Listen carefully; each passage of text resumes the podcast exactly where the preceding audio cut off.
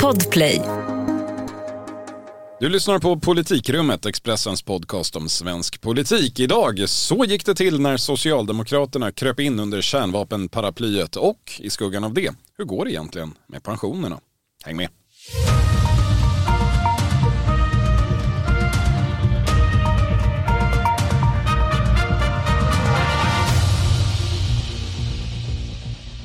Det är tisdag den 17 maj, Norges nationaldag. För svensk del kanske vi ska kalla den annandag NATO.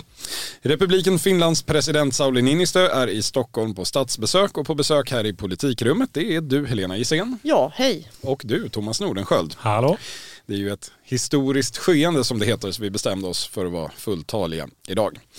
Igår så hände ju alltså detta. Så det bästa för Sveriges säkerhet och svenska folkets säkerhet är därför att vi går med i Nato och att vi gör det tillsammans med Finland.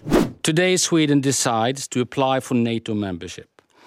It has been a policy aim for my party for 20 years and while I deeply regret the reason we are embarking on this journey today, it is nevertheless a big day. We are finally coming home. We are finally coming home, meddelade moderatledaren Ulf Kristersson bredvid statsminister Magdalena Andersson på en pressträff efter regeringsbeslutet om att skicka in en svensk NATO-ansökan. Ja, men det där var han ju nöjd med, Ulf Kristersson. Det var uppenbart. Vi får väl se i september om det där blir det närmaste han kommer statsministerposten eller om det var ett avgörande genrep.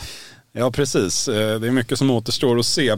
Den här processen som då kulminerade i detta, den började ju egentligen tidigare än så ska vi säga man kan dra ut tidslinjen hur långt som helst men vi kan ju nöja oss med i söndags eftermiddag till exempel. För då fattade nämligen Socialdemokraterna sitt kanske mest förutsägbara beslut någonsin när de efter en månads dialogteater bestämde sig för att det där med alliansfrihet det är trots allt lite daterat. Partiets käpphäst hade ridit vilse, Sverige borde visst gå med i NATO.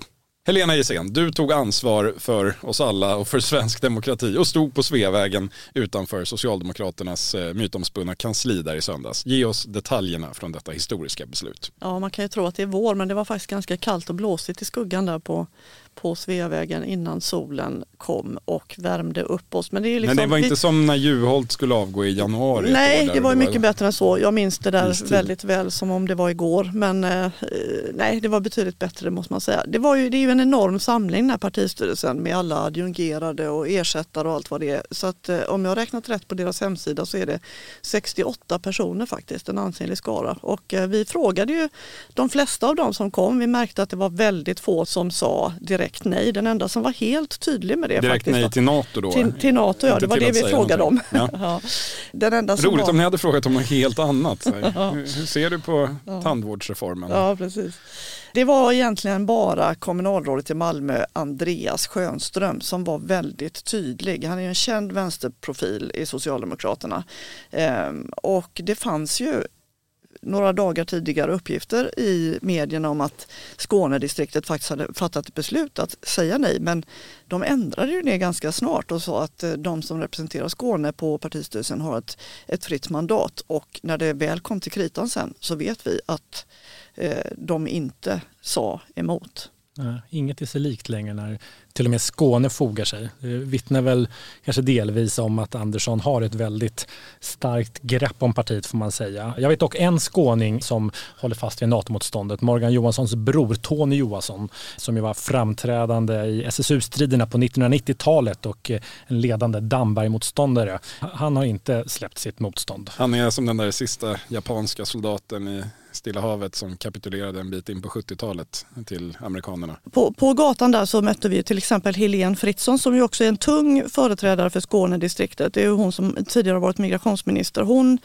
sa att det här var det svåraste beslutet för henne i hennes politiska liv. Men det visade sig senare då när vi frågade att hon landade också i ett ja efter moget övervägande. Och likadant är det med, med eh, vice ordförande i riksdagens försvarsutskott Niklas Karlsson som är ordförande i Skånedistriktet. Även han då ska ha landat i ett eh, ja till slut. Och hur lät det? Här är ju då vad som händer på gatan. Vad, vad vet vi om eh, vad som händer då bakom de lyckta dörrarna? Eh, när alla dessa eh, människomassor ska sammanträda och landa på samma fot. Ja, alla, alla i lokalen fick alltså eh, säga sin mening. Det var en jättestor runda, de satt ju flera timmar. Alla hade möjligheten att yttra sig och väldigt många gjorde det. Och då var det alltså bara Andreas Schönström, eh, så vitt vi har hört, av de som är ordinarie ledamöter och ersättare som var tydlig med sitt nej. Det ska ha funnits möjligtvis någon mer.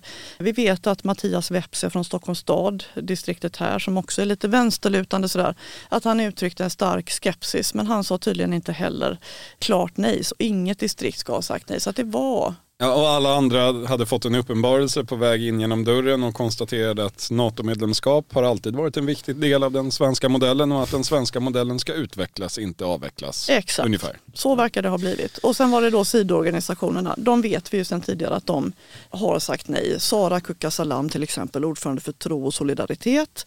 Hon yttrade sig och eh, var kritisk mot NATO. Annika Strandhäll, ordförande för S-kvinnor, det vet ju alla.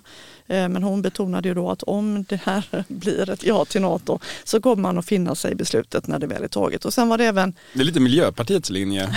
Per ja, Bolund sa ju det i riksdagen igår att eh, vi är emot det här, det är en jättedum idé.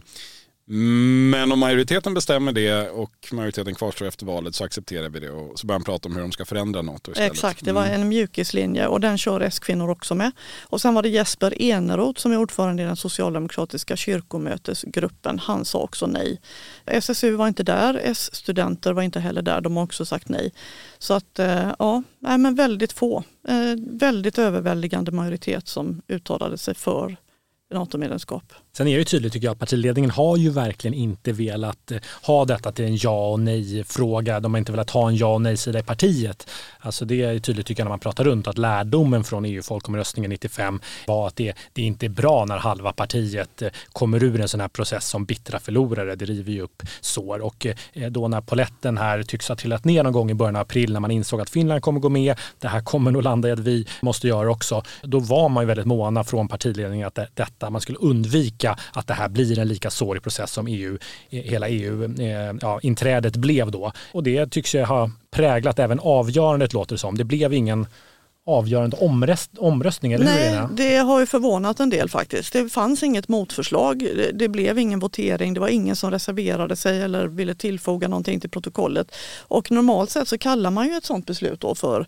ett enhälligt beslut när det tas sådär med akklamation som det heter. Men det är uppenbart att Magdalena Andersson vill ge sken av att de har haft högt i tak, att partipiskan inte har vinit i den här historiska frågan. Därför att hon har ju själv sagt att det här var inte ett enhälligt beslut. Men i, i, praktiken så brukar man ju kalla just den här typen av beslut för enhälliga. Men så, så vill hon i alla fall framställa Socialdemokrati är ett särskilt sätt att bedriva politik och organisera mänsklig verksamhet.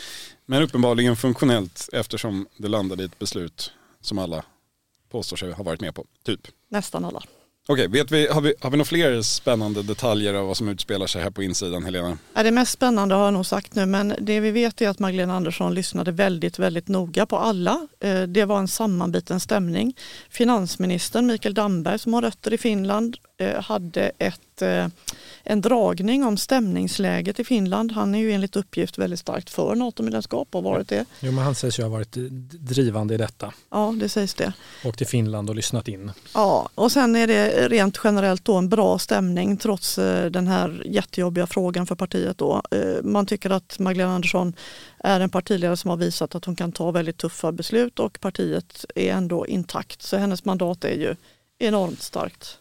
Ja, men det är också tydligt att det är en bild man försöker sätta från Socialdemokraterna här. Att Magdalena Andersson, ja, men som den landsmoder man vill att hon ska vara, gör det som är bäst för landet. Även om det går emot det partiet traditionellt stått för. Alltså, det är någonting hon alltså, betonar gång på gång och man gör från partiet. Att eh, man gör det som är bäst för svenska folket och svenska folkets säkerhet. Och att hon nu dessutom tvingat köra över de två senaste socialdemokratiska statsministrarna Göran Persson och Stefan Löfven som i alla fall initialt i detta eh, uttryckte stark skepsis mot ett svenskt eh, NATO-medlemskap förstärker ju bilden av att det är hon som bestämmer och det där har man ju, tycker jag är tydligt när man pratar runt, det där, den där bildsättningen har man inget emot. Nej, men det, det blir ju samtidigt, tycker jag, någonting som blir lite, lite konstigt i det här. Just att man betonar att Magdalena Andersson, och hon är så unik för hon sätter Sveriges bästa före partiet. Lägger man det pratet ihop med den bild som framträder när man läser den säkerhetspolitiska analysen som man har gjort och hör Magdalena Anderssons argument för att Sverige nu ska gå med i NATO. Som ju då är, det är en väldigt stark plädering. Och det är också svårt att inte tänka tanken varför kunde ni inte komma på det här lite tidigare nu om eh, hur, hur kommer det sig att det som är så självklart idag var så Eh, absolut inte självklart. Igår eh, handlade det mer om att inte ha spänningar i det socialdemokratiska partiet än om spänningarna i Östersjöregionen. Sånt kan man fundera på. Jag undrar en annan sak dock. Eh, yttrade Magdalena Andersson, i, i vilket skede yttrar hon denna starka åsikt som, som leder folket och partiet framåt? Det, det är ju, här hör vi om vad andra, vi har läst mycket om folk som kommer in på mötet och landar i olika slutsatser och Magdalena Andersson styr processen, men hon, i vilket skede säger hon vad hon själv tycker? Tycker. Ja, Gör hon det, det överhuvudtaget? Ja, hon gjorde det på verkställande utskottet och det är ju den lilla mäktiga gruppen som ingår i partistyrelsen. Där sitter ju flera statsråd till exempel och eh, de hade ju ett möte på förmiddagen och där fattade de sitt beslut och det eh, var det som hon sen drog när partistyrelsemötet började klockan ett. Då. Så att hon, hon eh, på verkställande utskottet så har hon naturligtvis sagt vad hon tycker och då har man formulerat ett beslut. Men egentligen då enligt mina källor och allt tyder på att det var där i början av april egentligen som krets kretsen runt Andersson bestämde sig. Absolut ja. Och då gick ut ett, eh, ett tyst dekret till rörelsens olika kapillärer och som, som successivt omvände människor. Är det så ja, vi ska det... förstå denna eh, mystiska men oerhört eh, framgångsrika process. Ja, det handlar mycket om Finland också ska man ju komma ihåg. Liksom, det är ju mm. det. Va? Alltså, när de förstod, när det gick upp för dem till 100 procent att Finland går med, då mm. blev det ju eh, svårt. Att, det var ju det som gjorde att det tog tid också. För ja. de hade ju försökt, Finland hade ju försökt skicka den signalen till Hultqvist ett bra tag att ja. det kommer landa där. Men sen så började man ju, tror jag, jag menar Mikael Damberg har själv skrivit om det. Han åkte ju till, till Helsingfors och träffade presidenten och det skedde en del. Jag tror att man från finsk sida kanske började gå också via andra företrädare för den svenska regeringen än, ja. snarare än Hultqvist. Och till slut trillade paletten ner. Ja. Paletten trillade ner, processen gick i mål, allt såg ut att gå som smort och sen gick det åt skogen. Men det återkommer vi till efter pausen.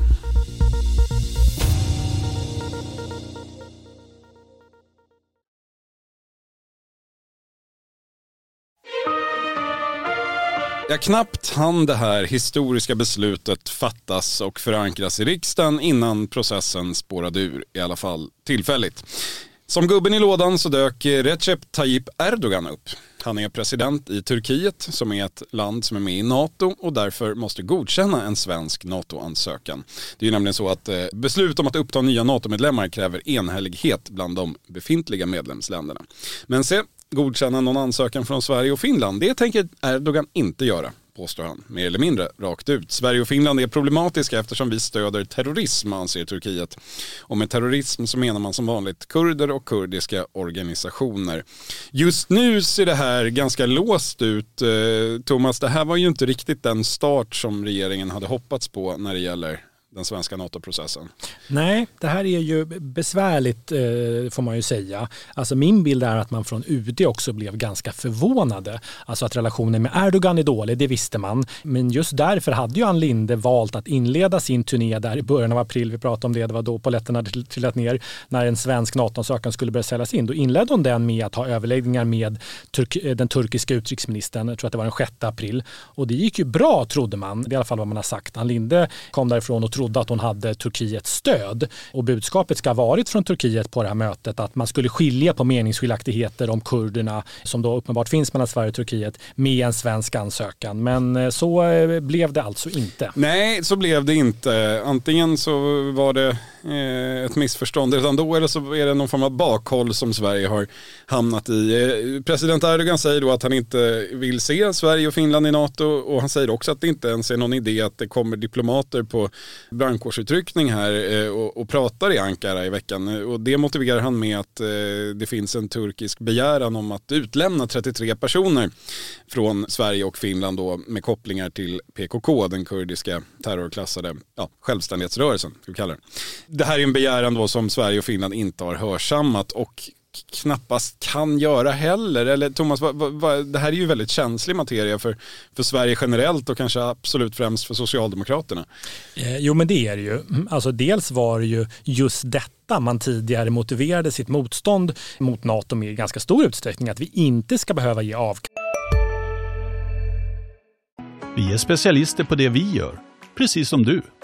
Därför försäkrar vi på Swedea bara småföretag, som ditt. För oss är små företag alltid större än stora och vår företagsförsäkring anpassar sig helt efter firmans förutsättningar. Gå in på swedea.se företag och jämför själv. Just nu pågår vår stora season sale med fantastiska priser på möbler och inredning. Passa på att fynda till hemmets alla rum, inne som ute, senast den 6 maj. Gör dig redo för sommar. Välkommen till Mio. På vår egen, egna självständiga utrikespolitik och inte samarbeta med länder som Turkiet eh, och ledare som Erdogan. Sedan är det ju så att det finns också ett, eh, ett, ett, stort engagemang inom Socialdemokraterna för kurdernas situation och också ett väldigt starkt motstånd mot, eh, mot Erdogans styre. Och det är ju också många, ytterligare en faktor är att det finns ju många faktiskt aktiva och kända socialdemokrater som är kurder, som har kurdisk bakgrund. Eh, Laven Redar är ju en känd sådan som är, anses vara en av partiets lysande unga stjärnor som eh, ansågs som given eh, till kulturministerposten innan Andersson eh, kom på något annat. Men många man hör säger ju att eh, han håller alltid på så här. Det där kan man, det där kan man, behöver man inte bry sig så mycket om egentligen. Sen undrar jag också, är inte detta egentligen ett, en del av ett större stormaktsspel? Att det här till slut måste avgöras av NATO på något sätt, att USA får dänga näven i bordet. Eller hur mycket eller, handlar eller lyfta detta? det där vapenexportförbudet. Ja, eller hur de mycket har, handlar det om eh, Sverige egentligen? Eh, jo, nej, men eh, den där vapenfrågan har ju lyfts, eh, lyfts in. USA eh, slutade sälja vapen till eh, Turkiet för några år sedan efter att eh, Turkiet köp, valde att köpa in vapensystem från Ryssland. Det där irriterade amerikanerna mycket. Nej, men det är ju precis så. Alltså, mina regeringskällor pekar tydligt på NATO här och säger att stora NATO-länder som USA, Storbritannien, Frankrike, Tyskland också redan har engagerat sig på Sveriges sida. Men sedan tycker jag att man får lite motstridiga besked från regeringshåll när det gäller möjliga eftergifter till, till Turkiet. Alltså, eh, vissa man pratar med antyder ändå att Sverige eh, kan nog behöva eh, liksom, ge något här och visa god vilja medan andra säger att det är helt otänkbart. Och, och, och just nu verkar det ha gått någon form av order om att ligga ganska lågt också. Det var ju tydligt här när Erdogan kom med sitt senaste utspel, här, det lär komma flera, men och sa att det är, liksom, det är ingen idé att ni kommer hit till Ankara och vi vill inte ta emot er och ni inte välkomna och så. Då valde ju Ann Linde, att, eh, eh, som har en, kanske en tendens får man väl säga, att inte alltid vara rakt igenom diplomatisk, att ja, hon avböjde att kommentera det där. Otroligt, kanske första gången. Nej, men det är också så att det här, eh, den här lilla härvan då som har uppstått, den har ju en potentiellt direkt inrikespolitisk konsekvens också. Det är många komplicerande faktorer här. En är ju att eh, vid de två senaste statsministeromröstningarna, bland annat den som tillsatte Magdalena Andersson i november, så samlade ju Socialdemokraterna stöd av eh, fyra partier, eller åtminstone acceptans av fyra partier. Det var de själva, det var Vänsterpartiet, det var Miljöpartiet och det var Centerpartiet. Men det var bara 174 mandat och man behövde undvika att få, nej, man behövde helt enkelt säkra upp ett till. Och det blev då den avhoppade vänsterpartisten och tidigare kurdiska gerillakrigaren Amineh Kakabaveh som fick stå för det. Och detta stöd köpte Socialdemokraterna bland annat då med en uppgörelse om samarbete med och erkännande av vissa kurdiska organisationer som president Erdogan inte alls tycker om. Komplicerande faktor. Eh, redan nu har det ju fått en viss konsekvens i och med att Amineh Kakabaveh har sagt till oss att hon drar tillbaka sitt stöd till regeringen. Ja, men hon eh, pratade med vår kollega Filippa Rogvall eh, och sa tydligt att eh, hon är väldigt besviken på Magdalena Andersson, att hon viker ner sig. Trots att det inte har hänt än? Nej, precis. Det var lite, kan man tycka, att gå händelserna i förväg. Och det är oklart också hur mycket man från regeringskansliet egentligen sörjer över detta. Med tanke på hur känsligt det nu är med Turkiet så kan det ju möjligen underlätta för regeringen att, att Amina Kakabaveh inte längre ingår i det där regeringsunderlaget. Men sen är det ju så att alltså, det här är ändå ganska, under normala omständigheter så hade det här varit en stor grej och sannolikt också kanske lett till en regeringskris. Alltså Magdalena Anderssons regeringsunderlag har ju egentligen fallit eh, i och med att det avgörande mandatet inte längre finns där. Eh, men någon regeringskris ser det inte riktigt ut att bli. Eller Nej, det, det, det, är väl kanske inte riktigt läge. Moderaterna har ju också varit tydliga med att de inte kommer att agera här och väcka något misstroende eller liknande. Man kan ju fråga sig ändå hur det här kan påverka den avgörande budgetomröstningen i juni sen.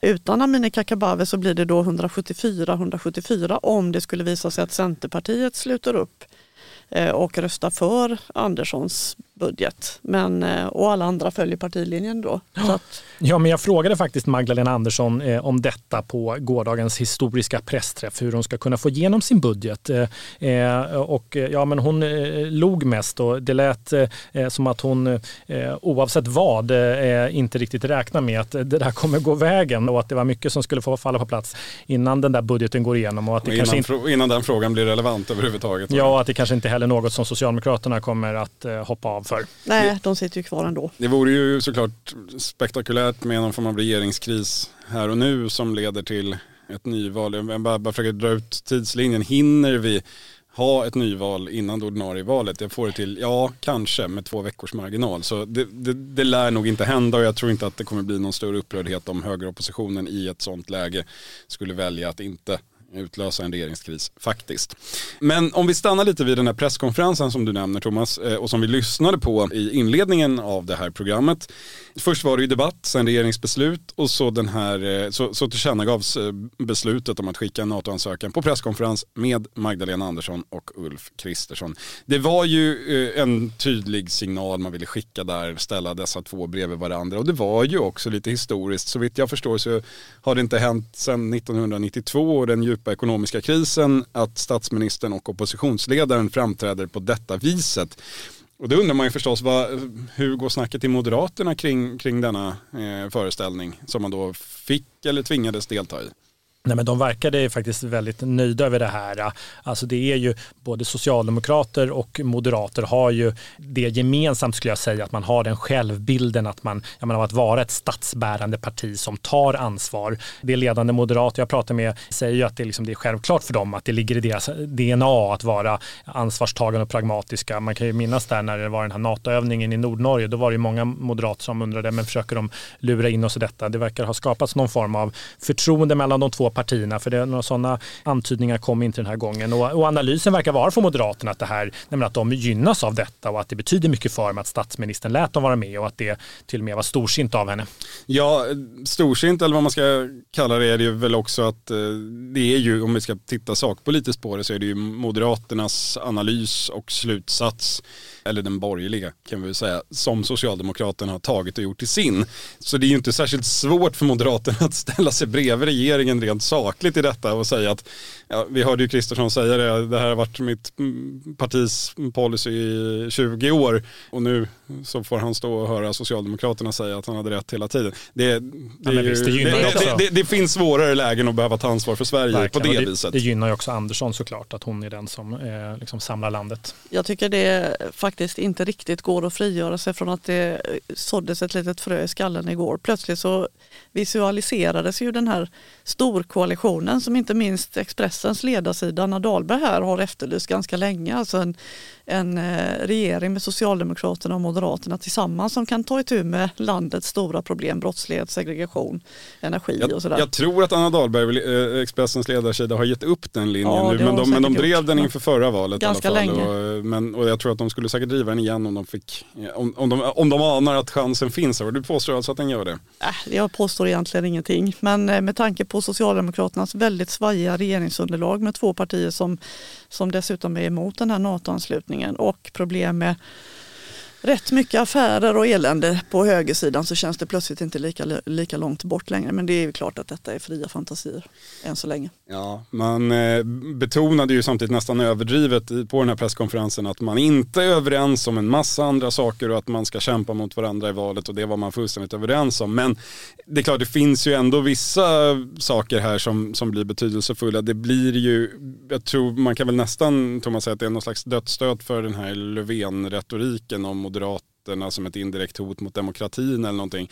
Alltså nu gör ju Socialdemokraterna den här nationella samlingen tillsammans med Moderaterna, trots att de vill samarbeta med Sverigedemokraterna. Och Sverigedemokraterna, ska vi säga, ingår ju också som en ganska väsentlig del i den här breda parlamentariska uppslutningen som man hela tiden refererar till. Det, det blir lite svårt att backa tillbaka till, till Löfven-hållningen eh, kring det efter det känner jag. Även Verkligen. om man såklart kommer fortsätta vara kritisk mot vad Sverigedemokraterna står för. Någon form av genombrott för SD är ju detta indirekt. Ja men de stod ju där bredvid varandra när den säkerhetspolitiska analysen presenterades. Då var ju Sverigedemokraterna med där. Ja, till skillnad då rent sakligt från Vänsterpartiet och Miljöpartiet. Så det är ju, en, det är ju en, någon form av game ja, de var med på presskon- De var med på presskonferensen. Ja, de var med på presskonferensen men de, men de, sa, de sa nej. nej. Sen en, en liten parentes i sammanhanget. Jag tror det är så att eh, den här propositionen som eh, ska tas i rekordfart nu, som de också nämnde igår, om att vi ska tillåta eh, utländsk NATO-förband på svensk mark och så vidare om, om det skulle bli en kritisk situation. Den tror jag ska antas med tre fjärdedels majoritet så att det finns ju ett ja. behov av en ja, man, man, behöver ha SD med sig. Man behöver enkelt. uppslutning. Men ska vi nu vänta oss en vanlig valrörelse då, Helena? Eller hur ska man definiera en sån nu för tiden? Ja, vad kan vi vänta oss? Alltså jag tror så här, om det här blir en relativt snabb process, vilket ju inte så mycket tyder på just nu i alla fall. Alltså om Turkiet ger sig och ratificeringen börjar gå som på räls, då kanske det blir en hyggligt normal valrörelse. Men om kriget fortsätter, vilket många tror ju, och NATO-processen blir bökig, strulig, då tror inte jag i alla fall att Magdalena Andersson kommer att kunna stå och skälla på Engelska skolan som hon hade tänkt i augusti. Eller att Ulf Kristersson, jag tror kanske inte att han kan bråka riktigt så högljutt om eh, brottslighet och så vidare som var planen egentligen. Nej, det blir ju såklart en väldigt speciell inramning eh, av den här valrörelsen. Men sen tycker jag tydligt att när man pratar med ledande socialdemokrater och moderater så vill ju de eh, ut på gator och torg. Ja. De vill ha en vanlig valrörelse. Och eh, ja, men inte minst för Moderaterna så de är ju väldigt stort behov av det. Alltså de ligger efter opinionen och har ju verkligen ett intresse av att debatten handlar om samhällsproblem och utmaningar framåt. Och inte bara att det är Magdalena Andersson som Nej. står med flaggor på kavajslaget. Ja, Vi får se hur det blir med den saken som vanligt. Ja, i skuggan av NATO-frågan, processen kring den, Turkiets inblandning och det ena med det tredje så finns det fortfarande annan politik. Den är lika rörig som vanligt. Helena, du har följt den frågan som har varit den inrikespolitiska huvudfrågan ganska länge nu. Pensionerna. Ja, precis. Det så kallade garantitillägget, Nooshi-tillägget. Ja. Eller det höger oppositionella tillägget. Det är ju en, jätteviktig, eh, en jätteviktig valfråga det där. Ett vallöfte från eh, Socialdemokraterna, Vänsterpartiet och Miljöpartiet om det här garantitillägget. Tusen kronor skattefritt för ett stort antal pensionärer med start eh, strax före valet. Då. Och nu är det ju så här att Centerpartiet som behöver rösta på det här för att det ska gå igenom, de för, för högerpartierna har ju lagt ett ja, annat förslag lagt ett som annat de förslag, avser rösta på istället. Exakt, ja. och eh, för att regeringens eh, budget som det här ligger i eh, ska vinna så behöver de ju då Centerpartiets stöd. Och Centerpartiet gillar inte alls Nooshi-tillägget. De gillar inte Vänsterpartiet och de gillar inte Vänsterpartiets förslag som detta ju är då från början. Och de gillar inte processen som har lett fram till det. Nej, och då krävde Annie Lööf i förra veckan att eh, den ansvariga ministern Ardalan Shekarabi skulle kalla till sig pensionsgruppen där normalt sett den här typen av frågor avgörs då. Så nu gjorde han det och de hade ett möte igår sent på eftermiddagen mitt i hela den här NATO-uppståndelsen. Så kallade han till sig hela eh, pensionsgruppen, de ekonomisk-politiska talespersonerna och en massa tjänstemän var på plats också. Och, det, och pensionsgruppen är alltså Socialdemokraterna och de borgerliga partierna? Ja, det är det ju. Ja, det är Inte Vänsterpartiet? Nej, precis. Och Mikael Damberg kallades dit också så att det var ett stort uppställ. Men de hade inget förslag att komma med så att eh, det här slutade väl i princip eh, med status quo. Det hände ingenting. Det enda man sa var att vi ska ha ett nytt möte senare i veckan. Så att Möjligen så är väl detta lite grann teater. Centerpartiet ville ha det här mötet av någon anledning och regeringen sa ja till det. Och eh, eh som det låter nu så är det svårt att tro att det ska mynna ut i något, någon kompromiss. Men för Centerpartiet, det är klart att skulle de lyckas enas där, då hade ju det löst ut den här jobbiga situationen för Centerpartiet om, kring budgeten och så. Då hade det varit lättare om man hade liksom plockat bort pensions, Vänsterpartiets pensionsförslag så hade ja. det varit lättare för Centerpartiet att rädda Magdalena Anderssons budget så, såklart. Absolut. Men mycket svårare för Vänsterpartiet att Nej, inte om det blir samma belopp så att säga. Blir det lika mycket pengar för lika stort antal pensionärer så hade de kunnat möjligen finna sig i det eventuellt. De vill ju också ha igenom det här i grund och botten. Och ville ju ha en sån lösning egentligen. Ja. Där man gick pensionsvägen och inte hade hittade på ett sånt här tillägg. Har vi någon som helst prognos kring hur det här kommer att sluta Helena? Nej, det är ju ett val för Centerpartiet mellan pest och kolera. Jag vet Som vanligt. inte. Nej. Svensk politik är en, ett spel som pågår i 90 minuter och på stopptid tvingas Centerpartiet välja mellan pest och kolera. Ungefär så funkar det nu för tiden. Hörrni, tack för att ni lyssnade på Politikrummet idag. Tack Thomas Nordenskjöld Tackar. och Helena Gissén. Tack. Det var trevligt att ha er båda här. Vi är tillbaka om en vecka den 24 maj. Vi har ju tidigare ställt oss frågan, har vi gått med i NATO än? Det har vi ju fortfarande inte gjort formellt. Vi kanske får börja ställa frågan, har Turkiet släppt in oss än i framtiden? Vi får se hur det blir med den saken. 24 maj är vi tillbaka. Hej!